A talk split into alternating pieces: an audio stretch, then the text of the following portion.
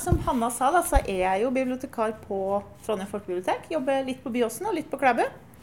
Eh, og jobber jo med litteratur til alle. Men mitt hjerte brenner for barn og unge. Det må jeg jo faktisk si.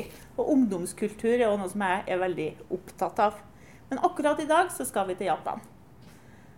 Og Japan har jeg syntes har vært fascinerende veldig lenge. Men jeg har aldri vært der. Eh, men jeg har lest bøker som har handling fra Japan, og bøker av japanske forfattere. Og jeg tenker jo det at det er mye som kan oppleves gjennom bøker òg. Altså det er en slags reising, det òg. Et dypdykk ned i et fremmed land og en fremmed kultur.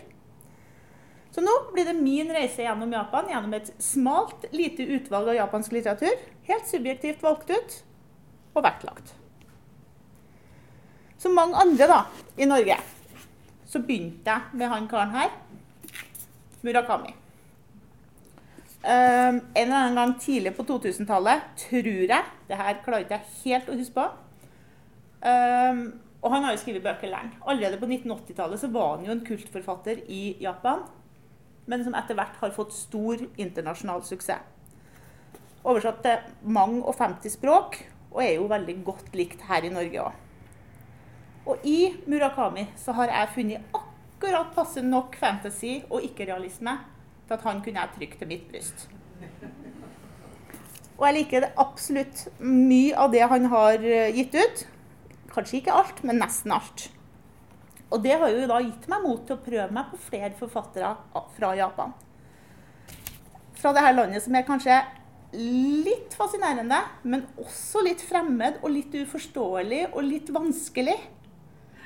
Um, og jeg har jo alltid tenkt at Murakami faktisk er litt lik den her magiske realismen som vi faktisk finner i latinamerikansk litteratur. Gir meg litt av den samme magiske følelsen. Og det er, Nå står jeg her og holder i Norwegian Wood, og det er nok fordi at det er kanskje den som er mest kjent. Har hatt størst appell til flest lesere, både i Vesten, men også i Japan. Og det er også den som er mest forskjellig fra resten av forfatterskapet hans. For den her er helt realistisk den ganske vestlige fortellerformen sin.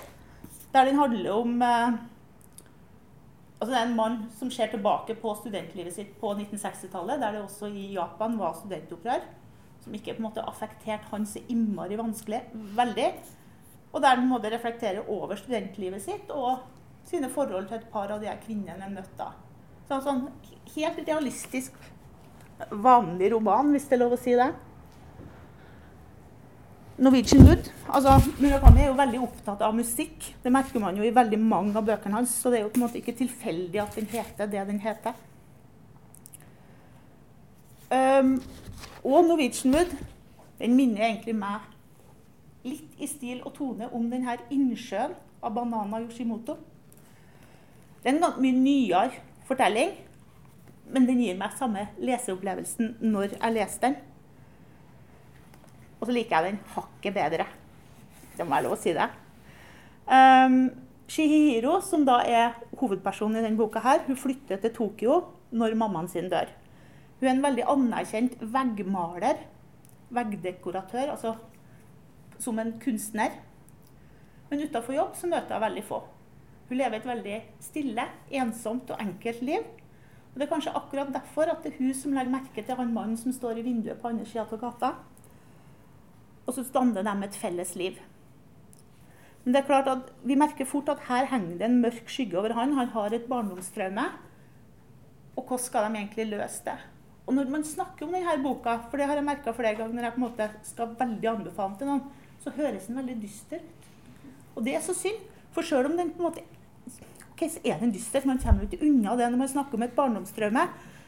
Men den er så var, og den er så nydelig. Og en veldig veldig fin leseopplevelse. Så det er nok en av mine favoritter. Men han Murakami, da, for det var jo han jeg fortsatte med egentlig en stund før jeg turte noe annet.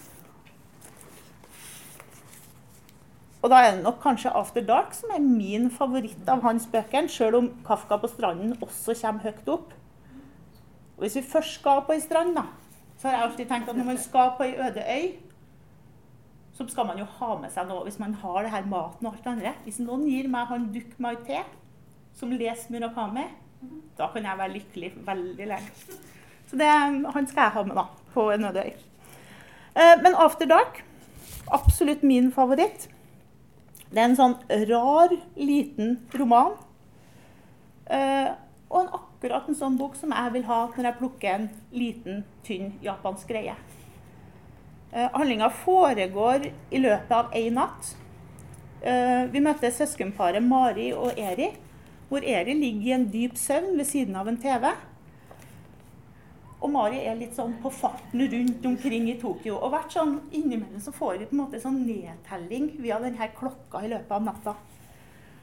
Uh, vi beveger oss gjennom et sånn typisk japansk kjærlighetshotell. Den japanske mafiaen kommer innom. Men veldig mye av historien foregår også i det her universet mellom drøm og virkelighet.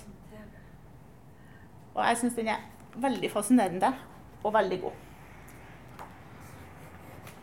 Så jeg kan bare litt der, jeg.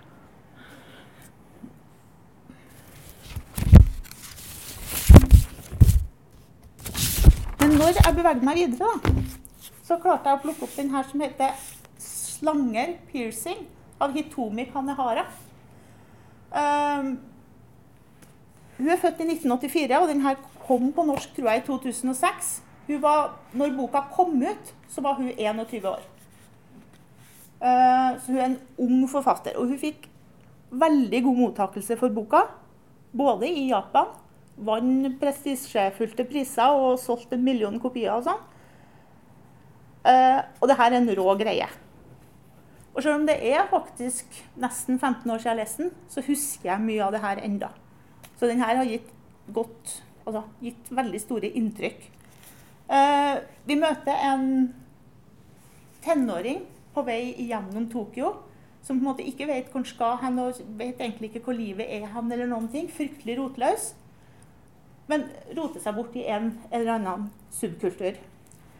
Uh, vi møter kroppsmodifisering, sjølskading, de lefler med døden. Altså, her er vi langt ned i subkulturer.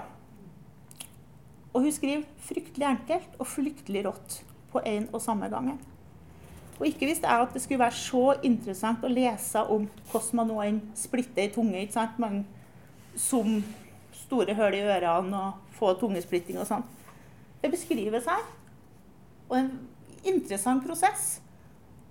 Men det som er bokas styrke, er jo selvsagt denne formidlinga om ungdom som er rotløs utenfor, og som ikke finner fellesskapet sitt. Og det er det som gjør boka skikkelig sterk, spør du meg. Og jeg tenker det her utenforskapet det finner vi nok blant mye av ungdommen i Japan. Du har det her veldig tradisjonelle landet med den dypt tradisjonelle kulturen. Og så har du masse nykultur, subkultur og ungdom som ikke vet hvor de skal hen.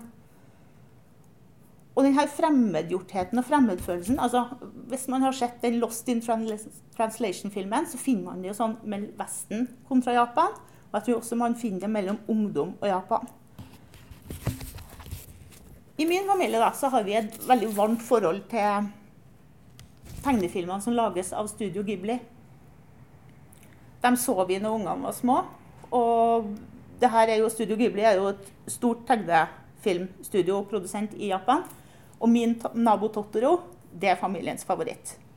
Selv om når jeg spør ungene, så er det prinsesse Monoké som har gitt størst inntrykk på dem. Og det her er på en måte filmer som er svære. Nydelige familiefilmer. Og for tenåringene hjemme til meg så har det nok lagt en sånn interesse for manga og anime og denne tegneseriekulturen i Japan. Så jeg spurte dem da kan man egentlig snakke om Japan og japansk litteratur uten å si noe om det her. Nei, det var ikke aktuelt. Man måtte si noe om subkulturer og nerdekultur og tegneserier. Og i, blant barn og unge i Norge og i dag så har jo det her vokst. Interessen er stor. Det er mange av de ungene som både leser og forholder seg til tegna, altså tegnefilmunivers fra Japan. Sjøl om det fortsatt er en subkultur. Det er for de ungdommene som er litt nerdete. Og det er de her fascinerende motsetningene da, som også tiltrekker dem. For når jeg prøvde å spørre dem, men hvorfor er det det her japanske dere vil se? Hvorfor skal det sees på japansk? Hva er det som er tiltrekkende? Jo, fordi det føles forfriskende og nytt. etter at de har sett mye Disney og annen sånn typisk mainstream-kultur, så syns de det var nytt og forfriskende. Og det er jo det jeg òg syns, når jeg plukker opp en litt ny japansk bok, kontra noe du tenker at Oi, det her har jeg kanskje lest før. Og så er det jo sånn at I Japan så har jo faktisk Murakami fått litt kritikk for at den er for vestlig.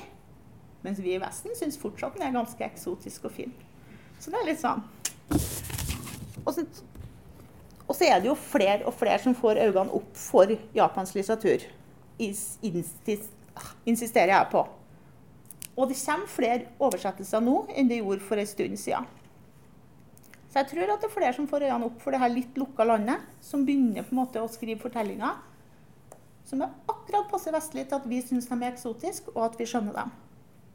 Og Magne Tørring, da, som også oversetter en del japansk, han har skrevet det at når Yoshimoto og Murakami lykkes å treffe en nerve i lesere i forskjellige land, så viser det at de har klart å formidle noe som de færreste japanere har klart før. At, at japanere ikke er så fremmed som du skulle tro, tross alt.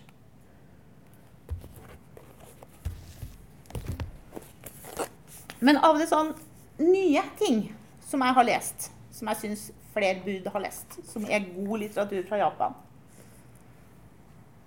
Så har jeg med meg 'Katten' av Hiraida. OK, så er det litt lite motstand i Det er ikke Du vender Altså, livet ditt endevendes av å lese denne boka her. Men det er en fantastisk liten sak for deg. Det var en uventa salgssuksess. Eh, forfatteren hadde jo ikke trodd at det skulle gå så bra, og det hadde jo ikke forlaget hans heller. Og jeg tenker at denne er en sånn bok man kan anbefale til alle, særlig hvis de liker katter. Eh, vi møtte et ektepar som jobber som frilansforfattere, begge to. De har slutta å prate med hverandre, de vet ikke helt hva de vil med livet sitt. Og de leier et hus i utkanten av Tokyo, og så adopterer de en katt. Eller kanskje det er sånn at det er katter som lar seg servere med mat og godbiter og går med på leking når den ønsker det. For katter har jo andre eiere. Men den tar gjerne imot mer, sånn som kattene gjerne gjør. Og Ekteparet går etter hvert veldig opp i denne oppgaven om å please katten. De lurer på hvem er det den foretrekker. Liker den min mat bedre enn din mat? Vil den ha mitt fang bedre enn ditt fang? Hvem er det den koser best med? Og etter hvert så merker de at de faktisk begynner å snakke sammen igjen. De begynner å finne tilbake til hverandre gjennom denne katten. Og dagens besøk av katten blir et lite sånn høydepunkt i livet deres. Så det er veldig sånn stille, rolig, ikke konfliktfylt. Men Veldig fint.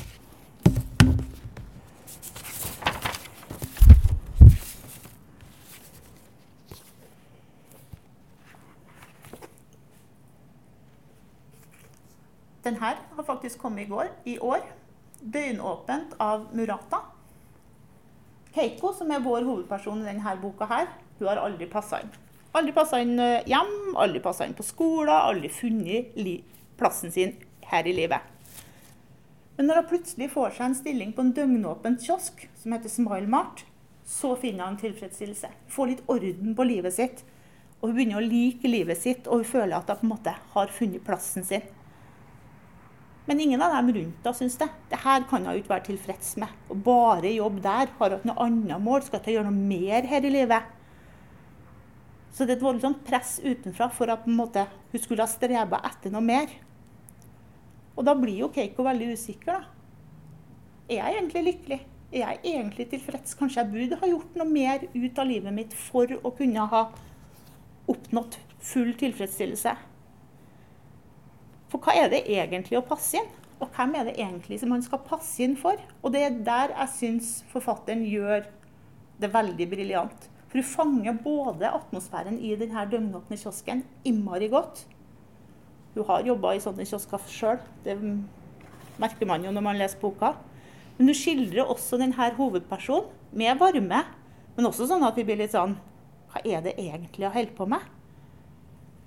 Og uten store fakta og store drama, så klarer jeg å gi veldig gode ord på et av livets mysterier. For hvem er det egentlig som bestemmer hva som skal gjøre deg lykkelig? Veldig fin bok.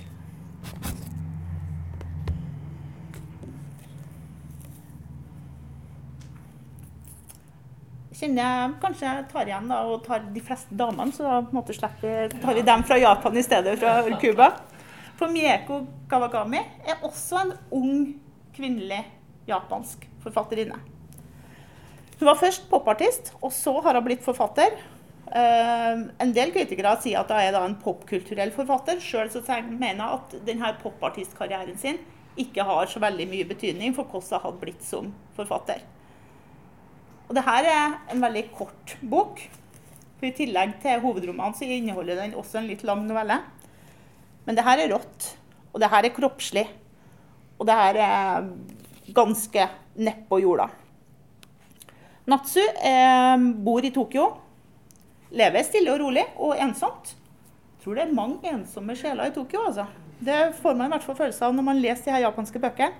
Hun får besøk av storesøstera si, Makiko, og hun har bestemt seg for at det som kommer til å gjøre livet hennes lykkelig, det er en brystforstørrelse. Så det er en omtrent det eneste hun snakker om. Om kroppen sin, og hva hun skal bruke kroppen til da, og hva det hadde gjort med kroppen sin. Og så har hun også med seg dattera si, Midokiro, som har slutta å snakke. Hun insisterer på å kommunisere gjennom bare å skrive. Og det er de her tre kvinneskjebnene vi møter gjennom denne boka, som på en måte utforsker det her med hva er det å være kvinne? Hva, hva, hva gjør kroppen vår med oss, og hva gjør vi med kroppen vår? Det syns jeg var også veldig god, men helt annerledes enn mye annet vi leser.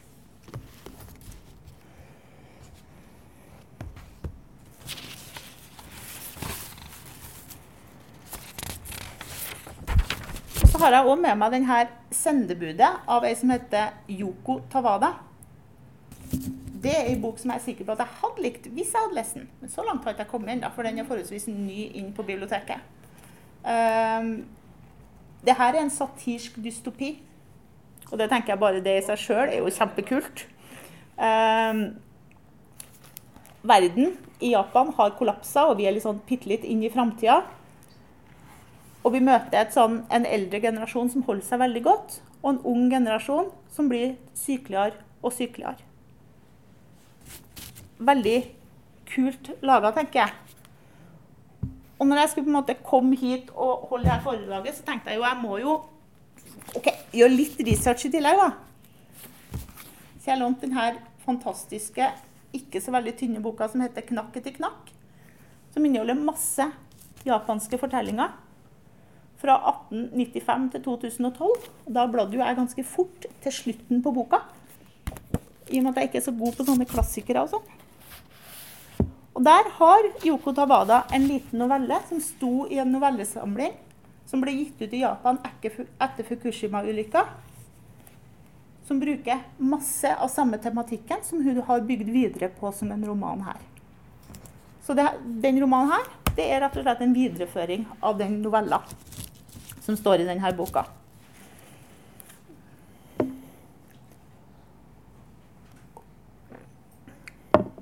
Så jeg hadde faktisk tenkt jeg skulle avslutte med å lese den. Um, og den novellesamlinga som kom eh, etter Fukushima-katastrofen, den kom selvsagt i 2012. Så hele den teksten her er skrevet, så den er gitt ut i 2012. Og det er viktig fordi det kommer en del årstall i teksten som man må tenke på som framtid. De udødeliges øy. Hånda som ble strukket fram for å ta imot passet mitt, stoppet et øyeblikk. Ansiktet til den unge, blonde passkontrolløren stivnet, og leppene dirret litt, som om de lette etter de rette ordene. Det ble jeg som snakket først. Det er riktig at det er et japansk pass, men jeg har bodd i Tyskland i 30 år og er nå på vei hjem fra en reise til hjem fra en reise til USA. Jeg har ikke vært i Japan siden jeg flyttet derifra. Jeg lot det være med det, og unnlot å si det jeg hadde mest lyst til. Og derfor er ikke passet radioaktivt. Så ikke se på meg som jeg er uren. Jeg tok det tilbake og slo det opp på siden hvor oppholdstillatelsen var limt inn, og rakte det til passkontrolløren på nytt, som nå tok det imot med skjelvende hender. Jeg har ikke vært i Japan etter hendelsen, og jeg foraktet meg selv for at jeg forsøkte å bevise min renhet. Japan ble sett på med sympati i 2011, men etter 2017 var landet blitt diskriminert. Om jeg hadde skaffet meg et europeisk fellespass, ville jeg ha sluppet å tenke på Japan hver gang jeg krysset en landegrense. Men av en eller annen grunn ville jeg ikke ha det. Selv om det egentlig var ganske rart at jeg hadde beholdt dette passet slik situasjonen var blitt nå. Bagasjen jeg hadde sjekket inn i New York, var ikke kommet fram til Berlin. Jeg gikk til skranken og fylte ut nødvendig informasjon om koffertens farge og størrelse og samt adressen min i Berlin, da jeg tenkte shit. For kofferten inneholdt matvarer man ikke fikk kjøpt i Berlin. Alt fra bokhvetenudler med raspet jamsrot, natto med hakkede fermenterte soyabønner, til mosuku sjøgress og mentaiko-rom. Kjøpt inn i downtown Manhattan. Om de sjekket innholdet og fikk se at det var japansk skrift på emballasjen, ville nok maten antas å være farlig materiale og fjernes fra kofferten, før den helt sikkert ble kjørt til et destruksjonsanlegg for radioaktivt avfall. F.eks. ville kanskje Natoen vært mistenkt for å være peanøtter som hadde mutert pga. strålingen. Etter at det i 2015 ble stans i nyheter fra Japan, begynte ryktene og mytene om landet å yngle som larver, før de vokste opp og ble til fluer som fløy verden rundt. Siden det ikke lenger var noen flyselskaper som fløy til Japan, var det heller ikke mulig å dra dit for å se med egne øyne hva som foregikk. Jeg hørte snakk om et kinesisk flyselskap som snart skulle begynne å fly til Okinawa, men jeg visste ikke om det var sant. Alle atomkraftverkene burde vært nedlagt etter Fukushima-ulykken. Hvorfor hadde de somlet sånn når de visste om et nytt stort jordskjelv som var i vente? Jeg var i Kyoto en uke tidlig om våren i 2013. Og massemediene begynte da å insistere på at Fukushima-frykten var over. Keiseren skulle holde direkte, tale på direkte-TV på toårsdagen for det store jordskjelvet. Og ansatte og gjester på hotellet var samlet foran TV-en i oppholdsrommet. Urolige ventet vi på at sendingen skulle starte. Selvfølgelig var det TV på hotellrommet. Det lot til at det ikke bare var jeg som syntes at det var skremmende å se denne sendingen alene. En reklame for munnvann trakk ut, og idet folk begynte å bli utålmodige, gikk skjermen plutselig i hvitt før det kom et nærbilde av det japanske flagget som blafret i vinden. Men det som fulgte etterpå, var ikke ansiktet alle forventet å se, men en mann med sort maske. Skjermen ristet. Han som holdt kameraet, dirret tydeligvis på hendene. Mannen vendte seg mot mikrofonen, strakte hals som en skilpadde. Legg øyeblikkelig ned alle atomkraftverkene, dette er keiserens ord. Og lytterne stivnet. Og vi er alle enige om dette, la han til. Jeg stormet ut av hotellet og ringte lillebroren min, som jobbet på TV-stasjonen, men mobilen hans var avslått.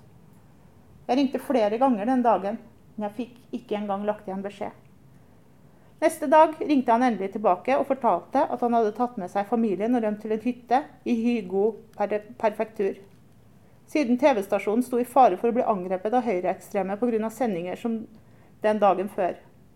Hadde alle avdelingslederne rømt fra Tokyo med familiene sine. TV-stasjonen ble ikke angrepet. Under påskudd av at de skulle få være forberedt til en eventuell naturkatastrofe, flyttet hele keiserfamilien til Kyoto samme år. Etter det hørte man aldri noe mer fra dem. Det gikk rykter om at keiserfamilien var satt i husarrest. Så skjedde det noe annet overraskende. Statsministeren dukket opp på underholdningsprogrammet 'Alle sammen synger' på Statskanalen. Og mens vi lurte på hva han skulle synge, ropte han bare at neste måned stenger vi alle atomkraftverkene for godt. Og verken godsnakk eller trusler hadde noen effekt. Han tviholdt på sin motstand mot kjernekraft. Det hjalp ikke om kollegaene forærte han spesialbestilt fugu Sendte menn med heldekkende tatoveringer hjem til han. Brukte laserteknikk for å få det til å se ut som gjenferdet av hans avdøde far viste seg på soverommet. Det var like forgjeves alt sammen. Etter en stund forsvant statsministeren. Vanligvis ville dette ha blitt omtalt som snikmord i nyhetene. Men nå ble det av en eller annen grunn ordet 'bortføring' brukt. Hvem i alle verden skulle ha bortført statsministeren? Den tiden da Nord-Korea ennå fantes, benyttet man ofte ord som bortføring. Men etter den ekstreme antiatomvåpenbevegelsen som plutselig oppsto i Nord-Korea, og Sør-Korea og Nord-Korea ble gjenforent i 2013 Etter en periode med uroligheter i kjølvannet av at statsministeren forsvant, ble den japanske regjeringa privatisert i 2015. Og en gruppe som kalte seg Z-gruppen, kjøpte opp alle aksjene og begynte å drive regjeringen som en forretningsvirksomhet. De tok også kontroll over TV-stasjonene og opphevet kravet om skoleplikt. Jeg var bosatt i Berlin og hadde inntil da fått detaljerte nyheter via internett og e-poster fra venner. Men etter en stund var det slutt på internett i Japan. Ikke bare kunne man ikke sende e-post eller andre typer meldinger. Japanske nettsider ble ikke lenger oppdatert. Det var ikke mulig å ringe til Japan. Og brev kom straks i retur fra det tyske postvesenet med et stempel hvor det sto Vi ekspederer ikke post til Japan. Helt siden en tysk kjernefysiker hadde presentert forskningsresultater som påviste at radioaktive partikler ville feste seg på flykroppen om et fly landet i Japan, var det slutt på alle flyvninger dit. Da det store stillehavsjordskjelvet inntraff i 2017, hadde man bare de skremmende satellittbildene å dømme fra. Det så ut som tsunamien hadde slukt hele området fra hovedstaden til Usuhalvøya. Det hadde gått seks år siden den gang, men detaljene er fortsatt ikke kjent. Jeg hadde hørt rykter om at det fortsatt gikk fly fra USA til Japan. Det skulle finnes et lite reisebyrå innerst i en grønnsakhandel i Chinatown i Manhattan som solgte flybilletter til Osaka. Men det var ingen informasjon om det på nettet. Man måtte visst gå dit i egen person og betale cash i euro, i dollar, for å få billetter. Og jeg reiste ens ærend til USA og oppsøkte stedet. Men da var reisebyrået allerede borte. Sommeren det året jeg var i USA, kom det en bok skrevet av en portugiser som omhandlet hans hemmelige reise til Japan. Den ble oversatt til flere språk, og mye omtalt i europeiske medier. Tittelen på boka var 'Den merkelige reisen til Fernao Mendes Pintos barnebarn', og jeg skyndte meg å kjøpe et eksemplar. Det var som å lese Gullivers reiser. Fernao Mendes Pinto levde nemlig i det 16. århundre, så forfatteren kunne umulig være barnebarnet hans. I boken sto det følgende. Menneskene som var over 100 år da de ble utsatt for radioaktiv stråling under Fukushima-ulykken i 2011, lever fortsatt i beste velgående. Forbløffende nok har ingen av dem dødd ennå. Dette gjelder ikke bare for Fukushima, men også for de 22 andre områdene i det sentrale Japan og Kanto-regionen, som i de følgende årene ble rammet. Den eldste av de overlevende var 112 da det skjedde. Nå er han 120 og i full vigør. Du holder deg godt, hadde Pinto sagt til han ene tolken. Og mannen svarte. Jeg er ute av stand til å dø. Det var ikke det at han hadde blitt yngre, det virket som radioaktiviteten hadde fratatt han evnen til å dø. Han sov ikke godt om nettene, men enda han våknet hver morgen tung og sliten i kroppen, hadde han ikke noe annet valg enn å stå opp og jobbe. For de som var barn i 2011, ble derimot syke i tur og orden. Ikke bare var de arbeidsudyktige, de trengte også pleie. Ble man utsatt for små mengder radioaktivitet hver dag, ville cellene hundredoble og tusendoble seg på kort tid når den aktive celledelingen først var i gang. Derfor var det farligere jo yngre man var. Det visste man allerede i 2011. Likevel var det svært få som tok med seg barna og flyktet til Sørvest-Japan. Og ung hadde blitt ensbetydende med å ikke kunne stå, gå, se, spise og snakke. Og var ikke lenger synonymt med ungdom. I forrige århundre var det ingen som hadde kunnet drømme om det å være evig ung skulle være så tøft. De eldre var opptatt med å pleie de unge og skaffe mat til familien. Så de hadde ikke noe overskudd til å verken klage eller være sinte. Inferno ble brukt for å beskrive situasjonen. Men flammene og blodet var ikke synlig for det blotte øyet. Sorgen og smerten hopet seg opp i de gamles hjerter. De unge menneskene gikk bort i tur og orden, uansett hvor mye pleie og omsorg de fikk. Før man hadde fått overskudd til å tenke på fremtiden, kom det neste store jordskjelvet. Regjeringen kunngjorde at det ikke hadde vært noen lekkasjer fra de fire atomreaktorene som var blitt ødelagt. Men folk visste ikke helt om de kunne stole på denne privatiserte regjeringen. Pinto var i Tokyo i løpet av den varmeste tiden i august, og alle husene hadde dører og vinduer åpne. Ord som innbrudd, tyv og plyndring var alle utdødd både kvinner og menn gikk med gamledagse stråsandaler og dro på jobb og skole i shorts og T-skjorte. Hjemme var de kliss nakne. Dette kunne ha ført til at de ble tatt for å være primitive, og dermed sto i fare for å bli kolonisert. Men utenlandske båter hadde for lengst sluttet å komme til Japan. Det kom verken hvite eller sorte skip. Havet utenfor Yokohama lå helt dødt, og landets lange tradisjon med å spise sjømat og tang og bade i havet var forsvunnet. Menneskene hadde helt sluttet å bruke havet som strakte seg mørkt og stille. Og akkurat som havets frukter var farlige, var det også farlig å spise sopp og andre ville planter fra fjellet. Innbyggerne i Tokyo brukte ikke jord, men bomull i blomsterpottene som de hadde på taket og på verandaen. Ikke slik å forstå at de ikke hadde noen adspredelse i det hele tatt, for hver morgen var det kø foran bokhandelen som lånte ut bøker. Og fordi det ikke fantes strøm til å lage aviser, ble det solgt tresnittrykkede flyveblader i veikanten. Og folk satt på verandaen og hygget seg med brettspill som Go og Shogi.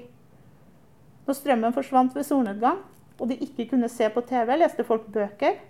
Og etter hvert oppsto det også profesjonelle fortellere som resiterte manga- og animehistorie akkompagnert med lutt og gitar. Men ingen likte å leve som i Edo-perioden. Om forskerne fortsatte sine medisinske undersøkelser i håp om å kunne hjelpe ofrene for radioaktiv stråling. Og i lyset fra ildfluenes glødende bakender satt de på biblioteket døgnet rundt og leste utallige dokumenter.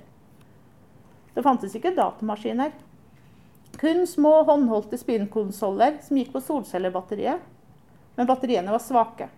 Så bildet beveget seg svært sakte, nesten som skuespillerne i et no-teater. Spill hvor man konkurrerte i fart eller sloss med fienden, var derfor ikke så populære lenger. Derimot var markedet dominert av spill basert på Mugen No, teater med overnaturlige vesener. Et spill om gjenferd som hjemsøkte de levende, ispedd uforståelige ord og fragmenterte hallusinasjoner, hvor poenget var å velge rett sutra slik at de kom til nirvana og forsvant ut av spillet. Men uansett hvor mange du slettet, dukket det hele tiden opp nye gjenferd. Den som spilte videre uten å besvime, hadde vunnet. Selv om det var knapt noen som visste hva det ville si å vinne.